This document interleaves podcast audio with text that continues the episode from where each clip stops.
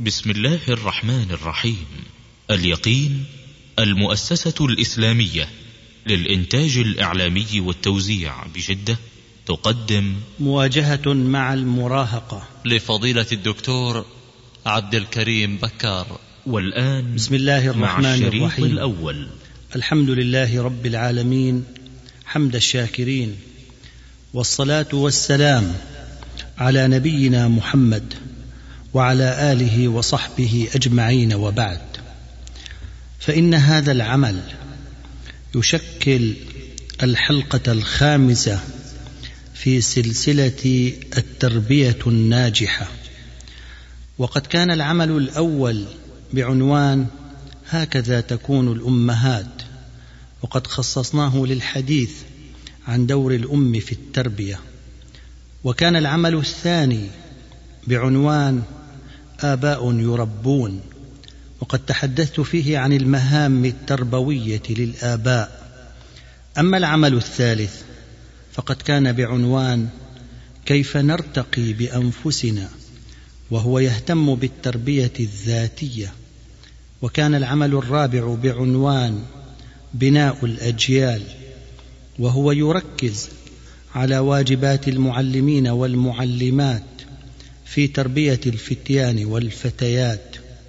وقد رأيت تخصيص هذا العمل للحديث عن المراهقة لما تتسم به هذه المرحلة من أهمية في حياة الإنسان ولا سيما في هذا الزمان حيث تعمل العولمة على تفكيك عرى الروابط الأسرية كما أن وسائل الاتصال والبث الحديثة بادت تمحو الكثير من الأعراف والمواضعات الثقافية في عالمنا الإسلامي لصالح الثقافة الغربية الغازية والتي تجافي في كثير من مبادئها ومنطلقاتها جوهر العقائد والقيم الإسلامية. والمتأمل اليوم في اهتمامات المراهقين والأزياء التي صاروا يؤثرونها يدرك مدى التغير السريع الذي يحدث لهم والذي قد تصعب السيطرة عليه من الآن فصاعدا من غير المزيد من الوعي والاهتمام والمتابعة الجادة. وهذا ما نحاول إثارته وتسليط الأضواء عليه في هذا العمل ومن الله تعالى التسديد والمعونة. وقد رأيت أن أجعل الحديث حول المراهقة يتمحور حول ثلاثة محاور. أتناول في الأول منها طبيعة المراهقة ونظرة المراهقين للحياة والأحياء. وأتناول في الثاني أهم المبادئ التي تجب مراعاتها أثناء التعامل مع المراهق وأهم الأساليب التي يجب استخدامها في ذلك التعامل. أما المحور الثالث فقد خصصته للحديث عن توجيه المراهق وإرشاده وصياغة شخصيته. المراهقة أيها الإخوة وأيتها الأخوات عبارة عن مرحلة انتقالية من مرحلة الطفولة إلى مرحلة الرشد والنضج والذكور والإناث في ذلك سواء إلا إذا تم تخصيص أحد الجنسين بشيء معين فيجري النص عليه والإشارة إليه. المراحل الانتقالية. كثيرا ما تكون مصدرا للإرباك والاضطراب لأنها تعني الانسحاب من عادات وأخلاق ومسؤوليات والتهيؤ للدخول في طور جديد له مفاهيمه وأوضاعه ومتطلباته. إن مرحلة المراهقة هي مرحلة مخاض وهذا المخاض قد يطول وقد يقصر وقد يكون سهلا نسبيا وقد يكون عسيرا وشاقا. ويمكن القول على نحو عام إن الفتى حين يلتحق بالدراسة في المرحلة المتوسطة أو الإعدادية يكون قد دخل في مرحلة المراهقة. أي في سن الثانية عشرة تقريبا وهي المراهقة المبكرة. وحين يصبح في المرحلة الثانوية يكون قد دخل في مرحلة المراهقة الوسطى أي في سن الخامسة عشرة. وحين يلتحق بالجامعة يكون قد صار في مرحلة المراهقة المتأخرة. أي في سن الثامنة عشرة وتستمر إلى سن الحادية والعشرين. والحقيقة أن هذه المراحل متداخلة والفصل بينها غير موجود عمليا ولكن نريد تقريب القضية إلى الفهم والإدراك. كانت مرحلة المراهقة قديمة أقصر منها الآن. حيث إن كثيرا من الفتيان كانوا يساعدون آباءهم في أعمالهم وغالبا ما يحلون محلهم فيها عند الكبر. وبالتالي فإن الحصول على عمل لم يكن في الغالب يشكل تحديا كبيرا. وكان في إمكان معظم الفتيان أن يتزوجوا في السادسة أو السابعة عشرة فيصبح الواحد منهم وهو في لجة مرحلة المراهقة زوجا وابا يرعى أسرة ويتمتع بالاستقلال الاقتصادي والاجتماعي.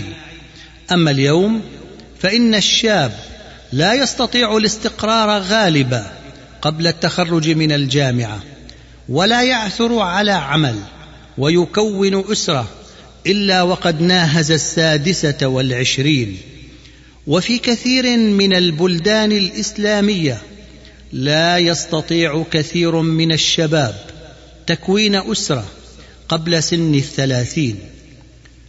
هذه الوضعية جعلت مرحلة المراهقة تمتد وتستطيل وجعلت مشكلاتها وأزماتها أشد وطأة من السابق.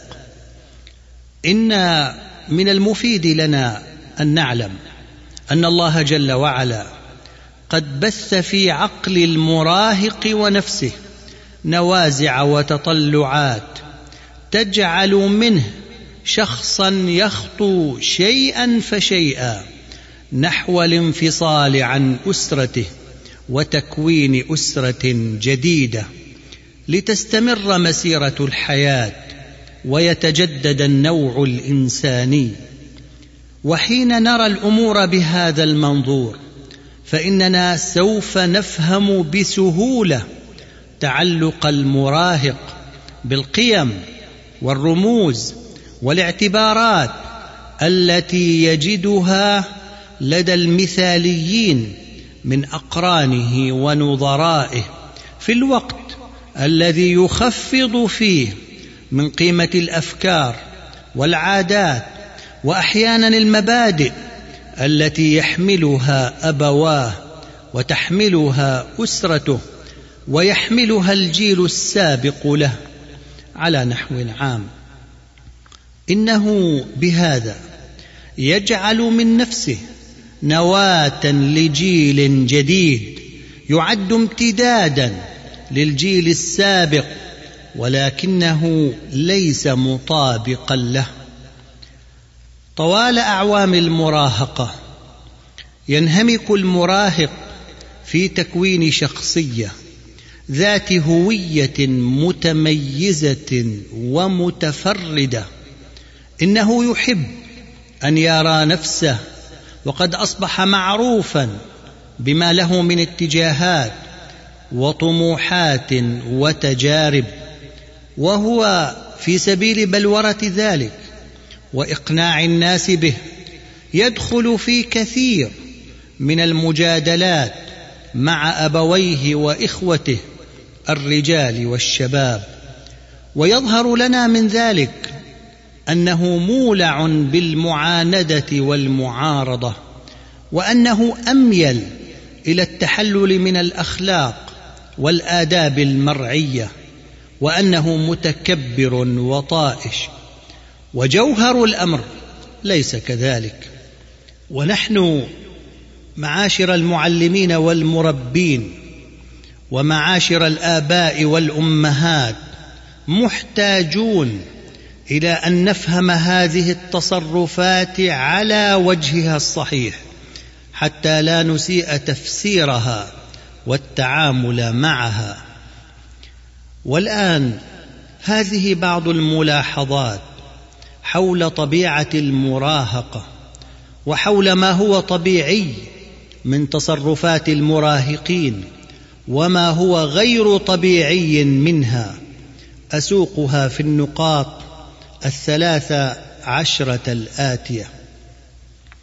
اولا كثيرا ما نلاحظ أن المراهقين يعانون من نوع من الاضطراب السلوكي مثل نقص التركيز والتقلب في المواقف وقصور النشاط العقلي والجسمي إلى جانب الاندفاع والحماسة الشديدة لأمور لا تستحق ذلك بالإضافة إلى التلعثم والاضطراب في الكلام وكثير من المراهقين يعانون من نقص الدافعية للعمل وضعف الإنجاز ولا سيما على صعيد الدراسة وعلى صعيد الاهتمام بشؤون الأسرة. وهذا يعود إلى شدة اهتمامه بالتمحور حول ذاته وإلى الارتباك العام الذي يعاني منه. ثانيا المراهق شديد الحساسية سريع الاستثارة ومن السهل أن ينفعل إلى حد الانفجار. وربما كان هذا بسبب أنه يطمع في انتزاع إعجاب كل الناس وبسبب قلة وعيه بذاته وبطبيعة الحياة الاجتماعية وبسبب عدم نضجه الشعوري والانفعالي. ثالثا يميل المراهقون إلى المشاكسة اللفظية وهي غالبا ما تكون في داخل الأسرة. وقد تتبدى المشاكسة اللفظية في صورة رفض للنصح والتوجيه والحرص على مخالفة التقاليد الاجتماعية في اللباس وطريقة الكلام والنظرة إلى الأمور المختلفة وكأن المراهق يحرص على إثبات ذاته واستقلالها عن طريق العمل على قاعدة خالف تعرف.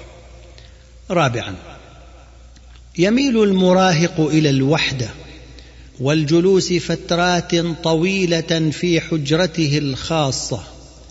وهو يستغرق في أحلام اليقظة ورسم المشروعات الناجحة والخوض في المعارك الوهمية كما يميل إلى كثرة النوم وربما كان ذلك لأنه يشعر بإهمال الأسرة له أو يشعر بصعوبة فهم الكبار له ولحاجاته الخاصة.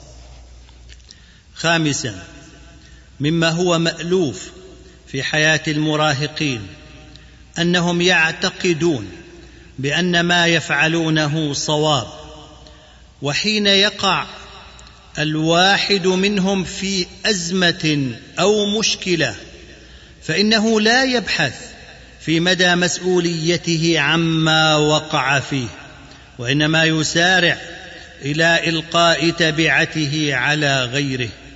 ولذا فالمراهق كثير اللوم والعتب ومن العسير إقناعه أن أوضاعه هي في الغالب حصاد ما صنعت يداه. سادسا يشعر المراهقون أنهم أصبحوا فجأة أذكياء جدا وأنهم يعرفون في الغالب كل شيء يجب أن يعرفوه. ولديهم تصور لحلول كل المشكلات العالقة. وليس المراهق وحده حسب زعمه هو الذي يتمتع بكل ذلك بل هناك أيضا أصدقاؤه وزملاؤه الذين يقضي معهم اوقاتا طويلة. يقول أحد الشباب حين كنت في السادسة عشرة كانت المعلومات لدى أبوي عن الحياة محدودة جدا ولما بلغت العشرين صرت مندهشا لكثرة المعلومات التي حصلاها خلال أربع سنوات. إن صاحبنا لا يعرف أن الذي حدث هو تغير نظرته للأشياء وسيرورتها نحو النضج وليس معلومات أبويه. سابعا. يضعف تواصل المراهق مع أبويه وباقي أفراد أسرته. فقد امسى الطفل الذي كان يتحدث لوالده عن كل شيء وأمست الطفلة التي كانت تفضي إلى والدتها بكل شيء. قد أمسيا كبيرين مستقلين. ولذا فإنهما يتصرفان كما يتصرف الكبار ولا يتحدثان إلا عن القليل. وإذا وجهت إلى أحدهما سؤالا فلن تحصل إلا على جواب من كلمة أو كلمتين.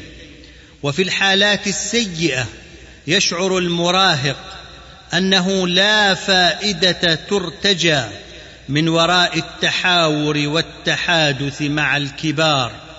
ولذا فإنه يحجم عن الكلام والاستفسار والمشاركة في أحاديث المجالس.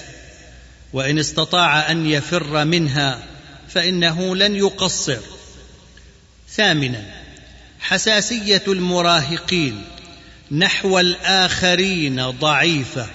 ولذا فإنك ترى الواحد منهم يرفع صوته في الشوارع ويرفع صوت المذياع في غرفته دون مبالاة بما يسببه ذلك من إزعاج لغيره. واهتمام المراهقين باستخدام الأشياء على نحو اقتصادي ومنطقي أيضا ضعيف فالواحد منهم لا يهتم بإطفاء الأنوار عند الخروج من غرفته كما أنه يتحدث في الهاتف دون اعتبار لما يجب تسديده لقاء المكالمات الطويلة كما يستخدم الماء دون الشعور بقيمته وكأنه يملك أسهما في الشركات التي تقدم هذه الخدمات فهو يسرف في استخدامها. من أجل ارتفاع أسهمها. تاسعا يبالغ المراهق بالاهتمام بخصوصياته فهو لا يرتاح إلى دخول الآخرين إلى غرفته الخاصة كما لا يرتاح إلى سماعهم لأحاديثه في الهاتف ولا النظر في أوراقه الشخصية. أقول ومن واجب الكبار احترام تلك الخصوصية إلا في الحالات الطارئة والخطرة. عاشرا من المهم أن ندرك أنه حين يكون أبناؤنا في مرحلة المراهقة نكون نحن في الغالب قد اقتربنا أو دخلنا في مرحلة منتصف العمر. وهي مرحلة حساسة بالنسبة إلى معظم الناس حيث إن الإنسان يعاني من ضغوط واضطرابات ومشاعر يأس وإحباط غامضة فهو يدرك أن صحته بدأت تتراجع وأن الشمس قد اتجهت نحو المغيب دون أن يحقق طموحاته. أو يصلح أحواله على النحو الذي كان يتوقعه ويرجوه. وهذا كله يعني أننا حين نمارس تربية المراهقين من أبنائنا وبناتنا لا نكون في أفضل حالاتنا النفسية ولا يكون توازننا الشخصي على ما يرام. وهذا ينعكس على رؤيتنا لتصرفات المراهقين حيث تميل تلك النظرة إلى السوداوية والتشاؤم كما يميل تعاملنا إلى أن يتسم بالضجر والحده والتصلب أي أننا نرى مشكلات المراهقين أكبر مما هي عليه في واقع الأمر. ونزيد على ذلك فنعاملها بقسوة أشد مما تحتاجه. حادي عشر. إذا حاولنا أن نتذكر بعض شكاوى المراهقين فإن ذلك سوف يساعدنا على معرفة طبيعة تفكيرهم وطبيعة نظرتهم لأسرهم وللعالم من حولهم. والحقيقة أن ما يشتكي منه المراهقون يكاد يشكل سلسلة لا نهاية لها لكن ما يكثرون منه الشكوى يتمثل عادة في القول. إن أهلي يعاملونني كما لو أنني طفل ولا يسمحون لي بفعل أي شيء مما يفعله من هم في مثل سني. إنهم يريدون دائما أن يعرفوا كل شيء أفعله وكل مكان أذهب إليه وكل شخص اصادقه أو أمشي معه. قد كبرت بما فيه الكفاية لأقود السيارة ولكنهم لا يسمحون لي. دائما يبحثون في حقيبتي ليعرفوا إن كنت أخفي فيها شيئا ممنوعا. وليعرفوا هل أقوم بكتابة الواجبات المنزلية أو لا مع أنني كبرت ولا أحتاج إلى من يتابعني ويعرفني بواجباتي. إنني لا أرى حاجة إلى أن يحددوا لي مدة زمنية للتحدث بالهاتف. إن أبي يلزمني أن أصاحبه في زياراته لبيوت الأقرباء حتى وإن لم يكن فيها من هو في مثل سني. إن أهلي لا يمنحونني الثقة التي أستحقها لأنني كذبت عليهم منذ سنة مع أنني تبت من الكذب. إن مسؤوليات العمل في البيت ومسؤوليات شراء حوائج الأسرة لا توزع بالعدل والإنصاف فأنا دائما أعمل أكثر من إخوتي وأخواتي. حين أكون مع أبي فإنه يتصرف تصرفات تحرجني أمام بعض زملائي لأنه لا يرعى الأصول الجديدة للباقة.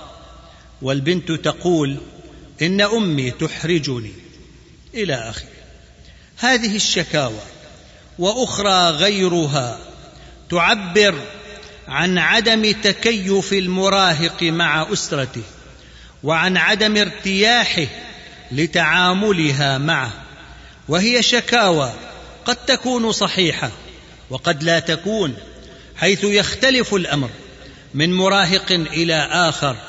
ومن أسرة إلى أخرى لكنها جميعا جديرة بالأخذ بعين الاعتبار والمراعاة. ثاني عشر مهما كانت القواسم المشتركة بين المراهقين كثيرة ومعترفا بها فإنه سيظل هناك تفاوت بين مراهق وآخر. وهذا يشكل مصدر حيرة لكثير من الآباء والأمهات وهم لا يكفون عن التساؤل هل تصرفات أبنائهم وبناتهم طبيعية يقوم بها كل من كان في أعمارهم أم أن تصرفات أولادهم أسوأ من تصرفات أقرانهم؟ ومن ثم فإنها شاذة أو غير طبيعية. ومن الملاحظ أنه حين يجتمع الآباء فإنهم يتبادلون الشكوى حول أوضاع أبنائهم ويحاول بعضهم أن يثبت أن تصرفات ابنه هي الأسوأ. والحقيقة أن التفريق بين التصرفات الطبيعية وغير الطبيعية للمراهقين والمراهقات ليس بالأمر السهل لاعتبارات عديدة ولكن يمكن أن نذكر بعض المؤشرات التي تساعد الآباء والأمهات على تبين هذه القضية. منها ألف يستطيع الأبوان المقارنة بين تصرفات أبنائهم وبناتهم وبين تصرفات أبناء وبنات أقربائهم وجيرانهم وأصدقائهم. ومن خلال المقارنة يمكن أن يكتشفوا مدى السواء والاعوجاج الموجود لدى أولادهم ويقررون بناء على ذلك ما يحتاجه الأمر من معالجة واهتمام. المدرسون والمدربون وموجهو المدارس والحلقات يملكون الخبرة الكافية لتقرير ما إذا كان سلوك الفتى طبيعيا أو غير طبيعي.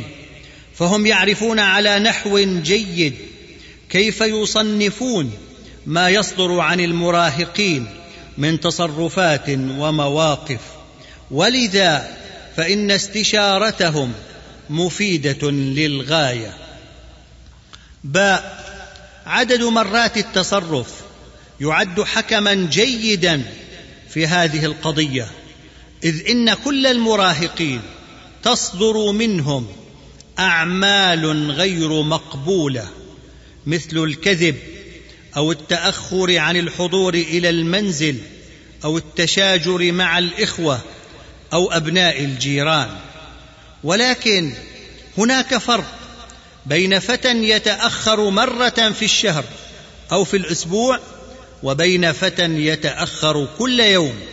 وهناك فرق بين فتى يتأخر مدة ربع ساعة وفتى يتأخر مدة ساعتين. وهكذا. جيم. تعد تصرفات المراهق غير طبيعية إذا أثرت في دراسته أو في مساعدته لأبيه في بعض أعماله أو في أداء بعض الأعمال المنزلية أو أدت إلى نوع من النزاع الدائم مع أبويه أو زملائه في المدرسة. كما أن تصرفات المراهق لا تعد طبيعية إذا كانت تتسبب في وقوع أذى بدني لإخوته أو أبناء حيه أو كانت تستثيرهم إلى درجة ضربه وإيذائه. د. لا بد لنا ونحن نحاول اكتشاف الطبيعي من غير الطبيعي من تصرفات المراهقين من أن نأخذ الفروق الفردية بعين الاعتبار فشخصيات الأطفال تختلف فقد يكون هناك طفل ثرثار وآخر حساس وثالث خجول وهذه السمات تزيد في مرحلة المراهقة ويعد ذلك طبيعيا فالطفل العنيد قوي الإرادة قد يظهر تمردا وثورة أكثر خلال هذه المرحلة من الطفل الذي يغلب عليه الإذعان والسلبية والطفل الخجول بطبعه قد يصبح أكثر تكتما أو أكثر انطوائية في مرحلة المراهقة وهكذا. ثالث عشر.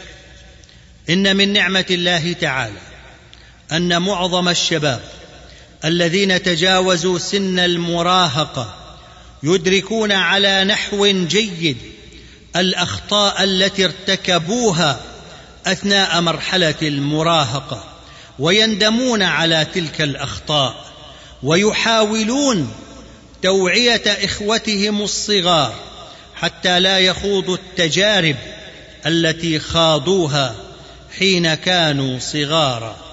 وقد أحسن أحد الشباب صنعا حين حاول الرجوع بذاكرته إلى مرحلة المراهقة التي مر بها ليكتشف نوعية المفاهيم والمشاعر التي كان يحملها آنذاك وليقيم ما كان لديه من سلوك وعادات وقد كتب ما انتهى إليه. في مذكرات قصيرة لكنها شاملة وتلك المذكرات يمكن أن ينظر إليها على أنها رسائل توعية وتبصير لأولادنا الذين ما زالوا في مرحلة المراهقة كي يحاولوا تفادي ما وقع فيه. ولعلي أسوق مقتطفات من تلك المذكرات أو الرسائل من أجل المزيد من الكشف عن طبيعة المراهقة ومن أجل المزيد من التنوير لأذهان الناشئة.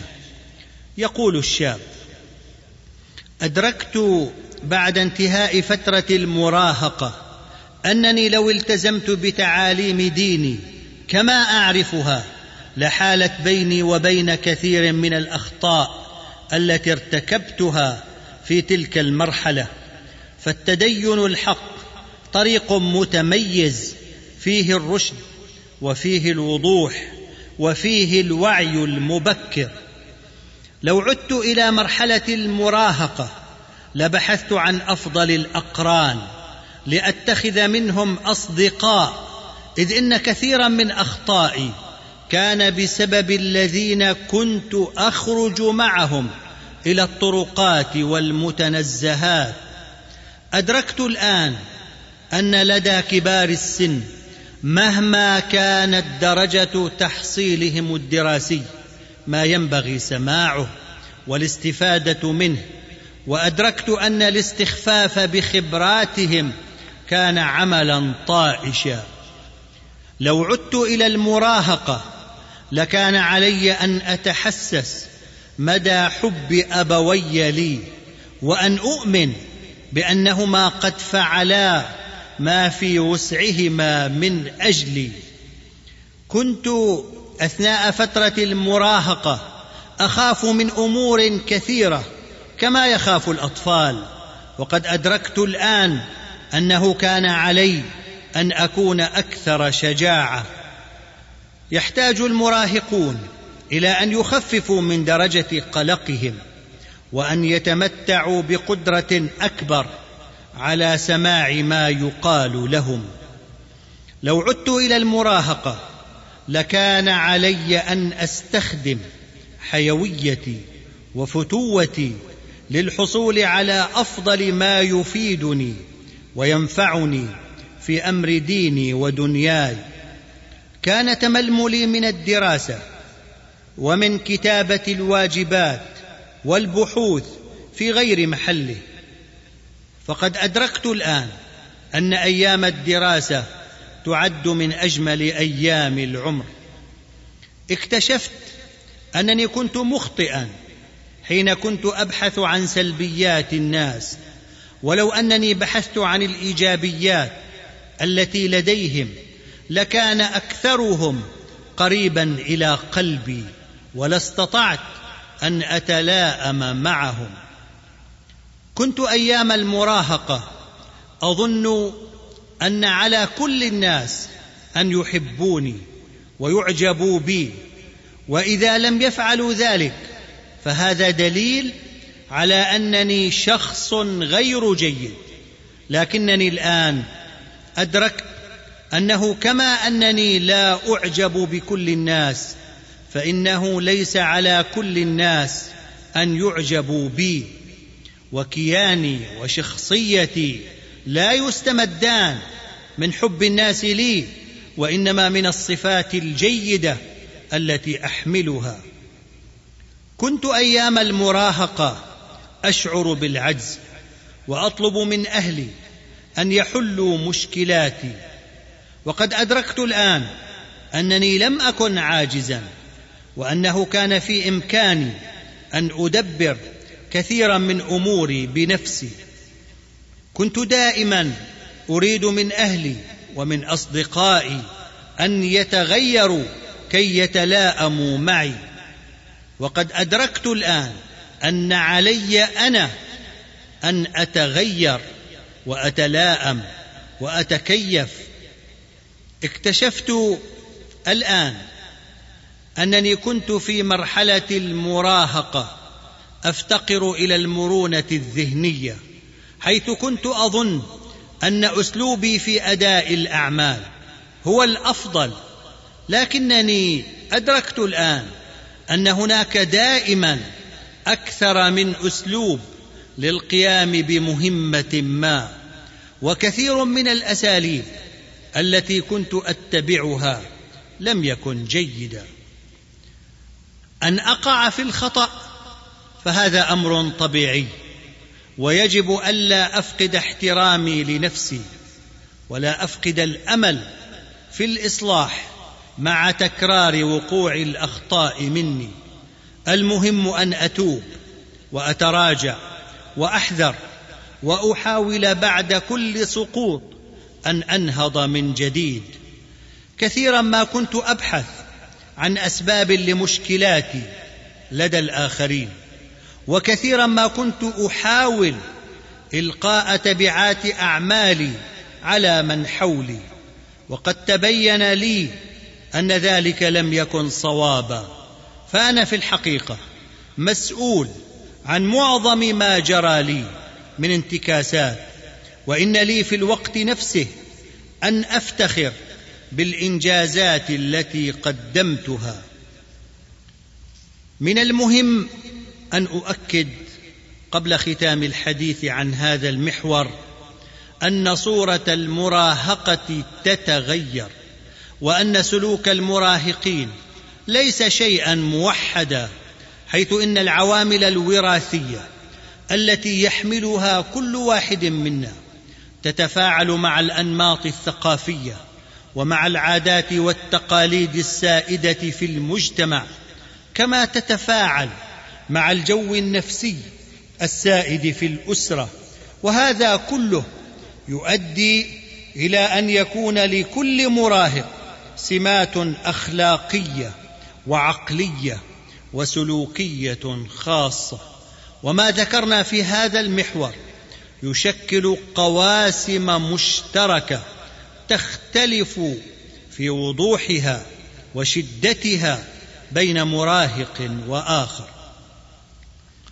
المحور الثاني وقد خصصناه كما ذكرنا للحديث عن التعامل مع المراهق وهو تعامل يلتقي في بعض النقاط مع التعامل مع الطفل ويختلف معه في نقاط أخرى وهذه نقطة مهمة حيث إن كثيرا ما نغفل عن حقيقة التطور الذي طرأ على أطفالنا حين دخلوا في مرحلة المراهقة مما يجعلنا نستمر في أساليبنا التربوية معهم كما لو أنهم ما زالوا في سن الطفولة. نحن مع الأطفال الصغار نغضب ونثور ونلقي بالأوامر ونطلب الطلبات المبهمة وقد نضرب ونوبخ إلى آخره.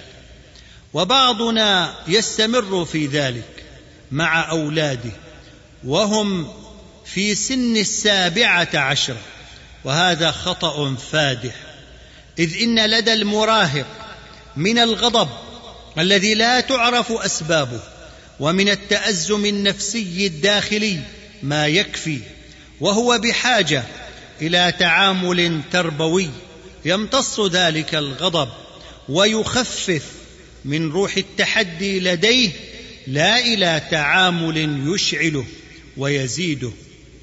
التعامل مع المراهق يحتاج إلى شفافية خاصة لأنه يتسم بالارتباك من قبل الأهل ومن قبل المراهق في آن واحد.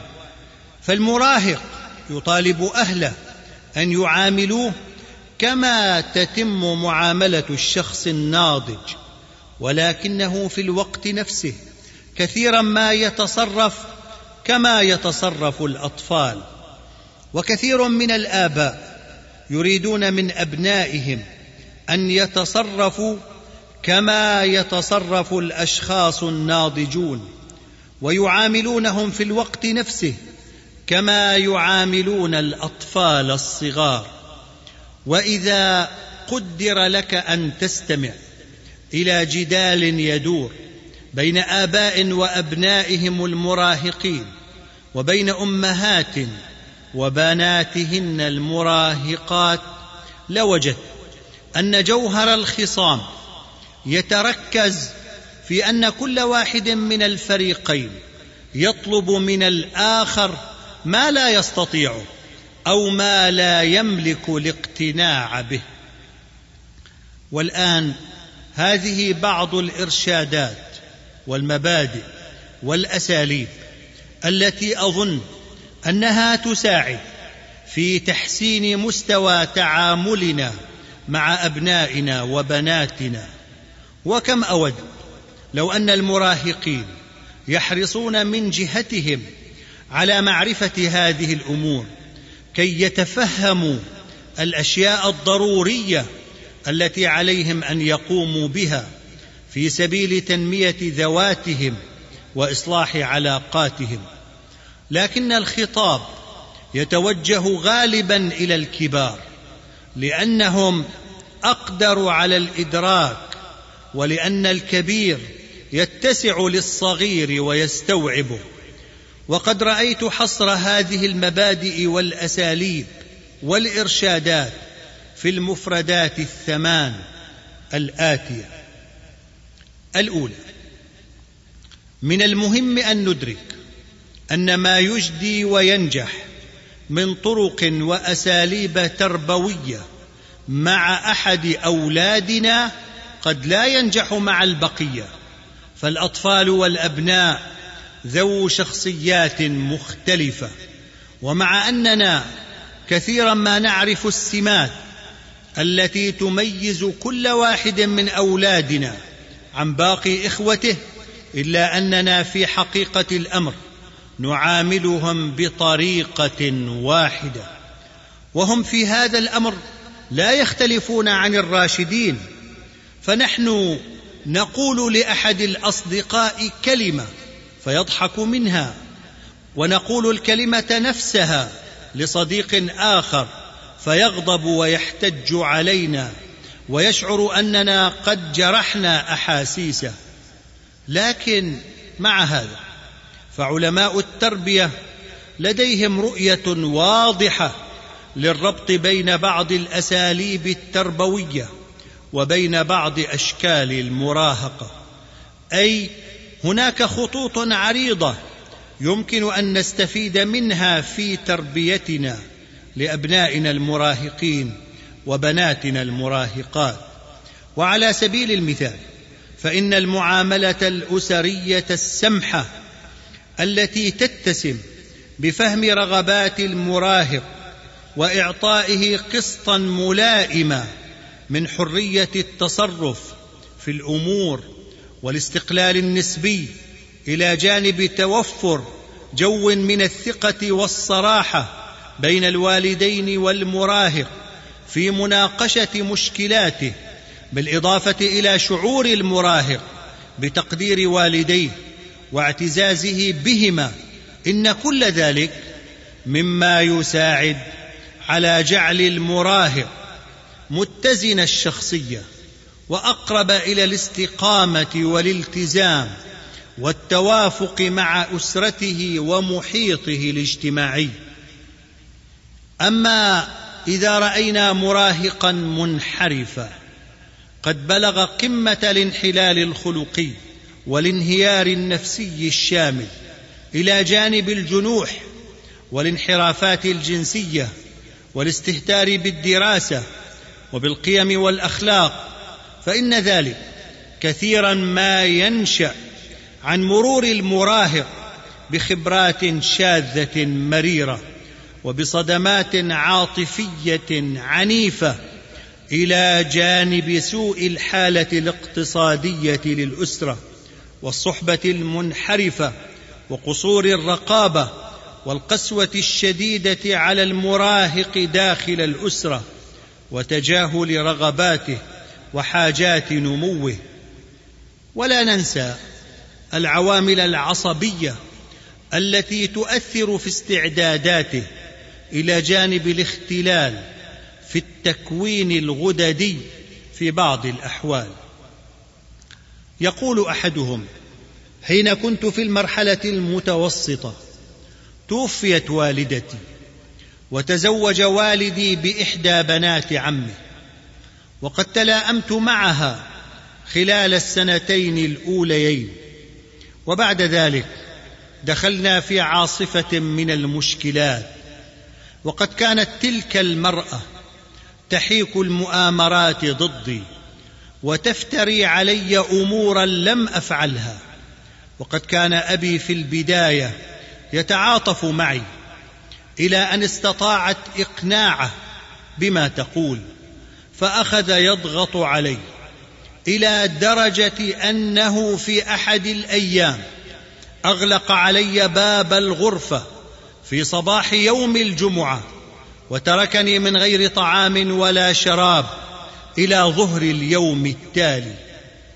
أما الضرب والشتم والتهديد فقد صارت شيئا عاديا في حياتي مع أنني قد كنت بلغت السادسة عشرة وكنت أقارن دائما بين الجحيم الذي كنت أعيش فيه وبين الحياة الكريمة التي يعيشها بعض أقراني وأقربائي وصرت أشعر يوما بعد يوم. أن بقائي في بيت أبي غير صحيح وغير محتمل وأن الخروج منه بات أمرا لا مفر منه. كما صرت أشعر أن أحقاد العالم كله قد تجمعت في صدري حيث لا ناصر ولا معين إلا الله تعالى. وصرت لا أرى في والدي وفي أصدقائه المقربين سوى مجموعة من الجبابرة الذين لا يعرفون للرحمة والإنصاف والعدل. أي معنى؟ وقد استطاع أحد اصدقائي إقناعي بالهروب في بداية إجازة الصيف للعيش في قرية تبعد ثلاثين كيلومترا عن القرية التي أسكن فيها على أمل أن أجد فيها عملا. وأنقل ملفي إلى مدرستها في بداية العام الدراسي فأجمع بين الدراسة والعمل. وبذلك أتخلص من القهر والعذاب الذي ألاقيه في أسرتي. ولكن الأمور لم تسر على ما أريد حيث تبين أن الحصول على عمل شاق جدا. وأخذ الخناق يضيق علي حيث لا طعام ولا مال لدفع أجرة الغرفة التي استأجرتها.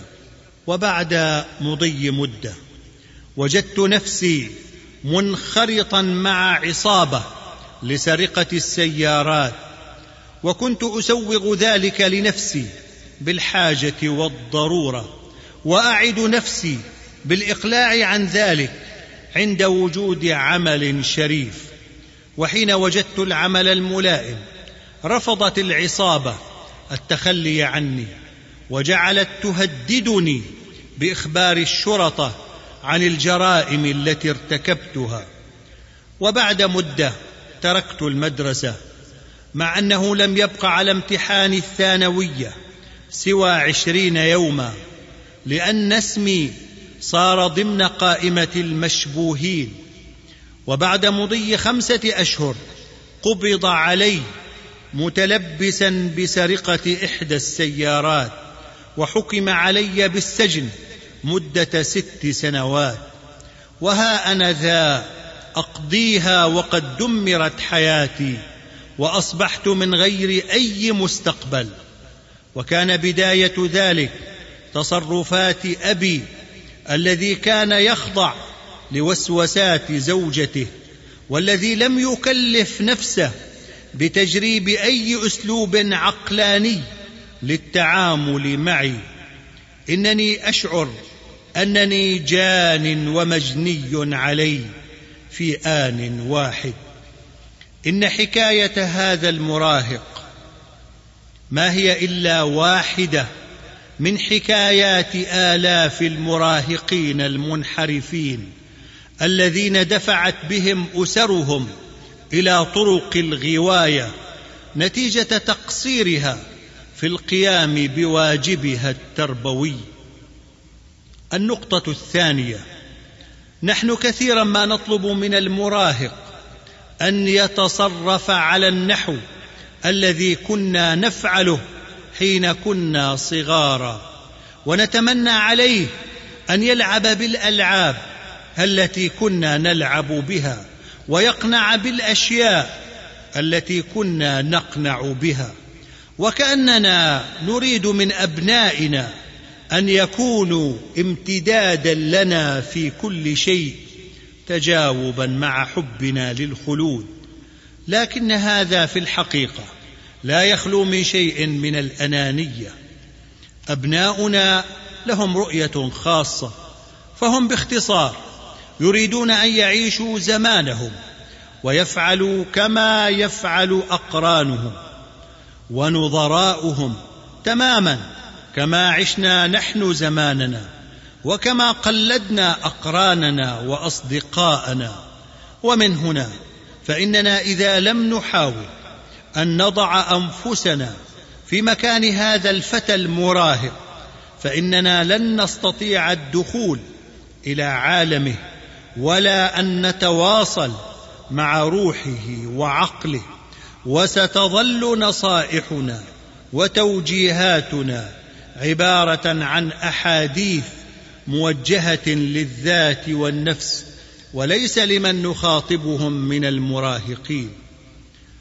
تخيل أنك واحد من أذكى شباب العالم وأنك تعمل في خدمة شخص من كبار السن المعاقين ذهنيا حيث تقضي سحابة يومك في الاستماع إلى تعليمات غير منطقية وفي تلبية طلبات لا معنى لها وتخيل أنك تجيب على الأسئلة التي لا تصدر عن عاقل. إنك لا تصدق. كيف يمسي المساء لتترك ذلك الرجل وتذهب إلى أقرانك من الشباب الذين تنسجم معهم وينسجمون معك وتفهمهم ويفهمونك. هكذا المراهق. يعتقد أن المراهقين أمثاله. وحدهم هم الذين يفهمونه. على الوجه الدقيق وأن محاولة التفاهم مع الكبار كثيرا ما تكون غير ذات جدوى. في قصة رمزية معبرة يقول أحد المراهقين قابلت صديقا جديدا وعظيما عرفني في الحال ومن الغريب أنه فهم كل ما قلته استمع إلى كل مشكلاتي وتحدثنا معا عن الدراسة وعن الحياة والمستقبل. وشعرت أنه يقف إلى جواري أيضا ولم أشعر ابدا أنه يسيطر على شخصيتي. فقد كان يعرف ما أشعر به تماما وبدأ أنه يقبلني كما أنا. إنه صديق لم يقاطعني في حديثي. ولم يحتج إلى تعقيب على ما أقول. كل ما كان يفعله هو أن يستمع لي باهتمام دون أن يتحول بذهنه عني. وأردت أن يعرف كم أقدر له هذا وكم أشكره. ولكن عندما ذهبت لاصافحه روعني شيء ما. فحين مددت يدي لمصافحته أدركت أن صديقي الجديد لم يكن سوى المرآة. هذا هو المراهق كائن فريد قد لا يجد لنفسه نظيرا مطابقا وعندما يجد الصفات التي يحبها فلن يجدها إلا لدى الأقران. النقطة الثالثة المراهقون وكذلك طبعا المراهقات. وكل ما نقوله هنا ينطبق على الجنسين المراهقون والمراهقات. في حاجة إلى من يستمع إليهم فهم وإن لم يعترفوا يشعرون أن فهمهم للعالم محدود. وأن قدرتهم على التحكم بمشاعرهم وردود أفعالهم ضعيفة. ولذا فإنهم كثيرا ما يشكون للأبوين من المشكلات التي يواجهونها في المدرسة وفي البيت والشارع. لكن معظم المراهقين يعبرون عن خيبة أملهم في إصغاء الكبار إليهم. حيث لا يجدون من آبائهم على نحو خاص الانتباه والاهتمام الذي يتوقعونه وهذا ليس بعيدا عن الحقيقة. فالأبوان اللذان عندهما سبعة من الاولاد يجدان أن من الصعب الاستماع إلى كل واحد منهم على نحو جيد.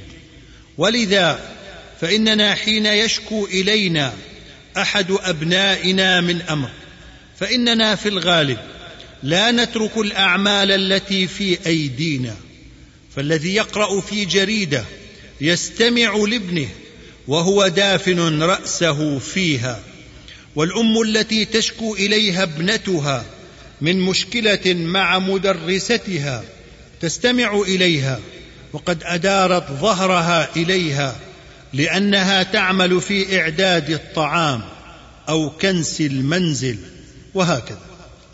ربما كان الذي يدفعنا إلى هذا شعورنا بكثرة شكاوى المراهقين أو شعورنا بعدم أهميتها أو شعورنا بعدم استفادة المراهق من أجوبتنا على شكاواه. وكثيرا ما نبدأ باسداء النصح قبل أن يتمكن المراهق من قول كل ما لديه. يتأفف أحد المراهقين من هذه الوضعية السيئة قائلا عندما أطلب منك أن تستمع إلي تبدأ في إخباري بأنه لا داعي لشعوري بتلك المشاعر. فالمسألة أهون مما أظن. عندما أطلب منك أن تستمع إلي فتشعر أن عليك أن تفعل شيئا لحل مشكلتي فإنك بذلك تخذلني. وإن بدا كلامي هذا غريبا أنصت فكل ما أريده هو أن تنصت. لا تتكلم أو تفعل شيئا اسمعني فقط. أريد منك أن تقبل حقيقة صغيرة هي أن تشعر بما أشعر. ولو كانت مشاعري غير منطقية المشاعر غير المنطقية تصبح منطقية عندما تفهم ما وراءها. ولذلك أرجوك أن تنصت وتستمع إلي. وإذا أردت الكلام فانتظر لحظة وحين يحين دورك فسوف تتكلم بما تريد. إن الجهاز العقلي لدى المراهق غير مكتمل وخبراته بما ينبغي أن يعمل ما زالت فجة. ولذا فلا ينبغي أن نناقش معه كل الأمور على أساس عقلاني وعلى أساس علمي. كما نفعل نحن الكبار حين نتداول الرأي في القضايا العامة. لننطلق دائما في تعاملنا مع شكاوى المراهقين على أنها نصف منطقية ونصف مقبولة أو بعبارة أخرى أن ننظر إليها على أنها منطقية من وجهة نظر المراهق. وبالنسبة إلى درجة نضجه. إذا جاء أحد الأبناء غاضبا وشاكيا من أن معلم الجغرافيا أعطاه واجبا منزليا كبيرا يصعب عليه إنجازه وأن ذلك المعلم لا يريد سوى تعجيز الطلاب فإن المعتاد لدينا معاشر الآباء أن يقول الواحد منا دعني أنظر حجم ذلك الواجب وبعد النظر السريع إليه فإن الغالب أن يقول إن هذا الواجب ليس كبيرا والمعلم يعطيكم هذه الكمية من أجل تحسين مستواكم العلمي وهذا منه دليل على اهتمامه بكم وحرصه عليكم كي تتزودوا بأكبر قدر من العلم والخبرة قبل أن تنتقلوا من المرحلة الثانوية. هذا الكلام له نصيب كبير من الصحة لكنه لا يعالج المشكلة الشعورية لدى المراهق. لذا فإن الأنسب من هذا الكلام أن نقول له قد كلفني رئيسي في العمل في أحد الأيام بعمل كثير وشعرت أنني لن أنهيه أبدا وقد أغضبني ذلك كما أغضبك واجب المعلم.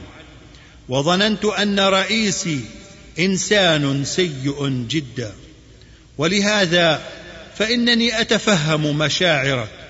ولكن يا بني كن على ثقة أننا في هذه الدنيا سنضطر دائما إلى أن نقوم بأمور كثيرة وإن كنا غير مقتنعين بها لأن الحياة لا تنتظم بغير ذلك. النقطة الرابعة أولادنا المراهقون في حاجة إلى المزيد من التواصل معهم من خلال السماع لهم ومن خلال الكلام معهم. ومن خلال النقاش وتبادل وجهات النظر ومن خلال التواصل غير اللفظي أيضا. وهذا التواصل يهدف ليس إلى تثقيف عقل المراهق فحسب ولا إلى إيجاد جو من المشاعر الحميمة بيننا وبينه وإنما يهدف قبل ذلك إلى إخراج المراهق من مشكلة التمحور حول نفسه والانكفاء على ذاته. فالتمحور حول الذات بالنسبة إلى المراهق على نحو خاص مصدر لشرور وأوهام وانحرافات كثيرة. وهذه بعض الملاحظات المهمة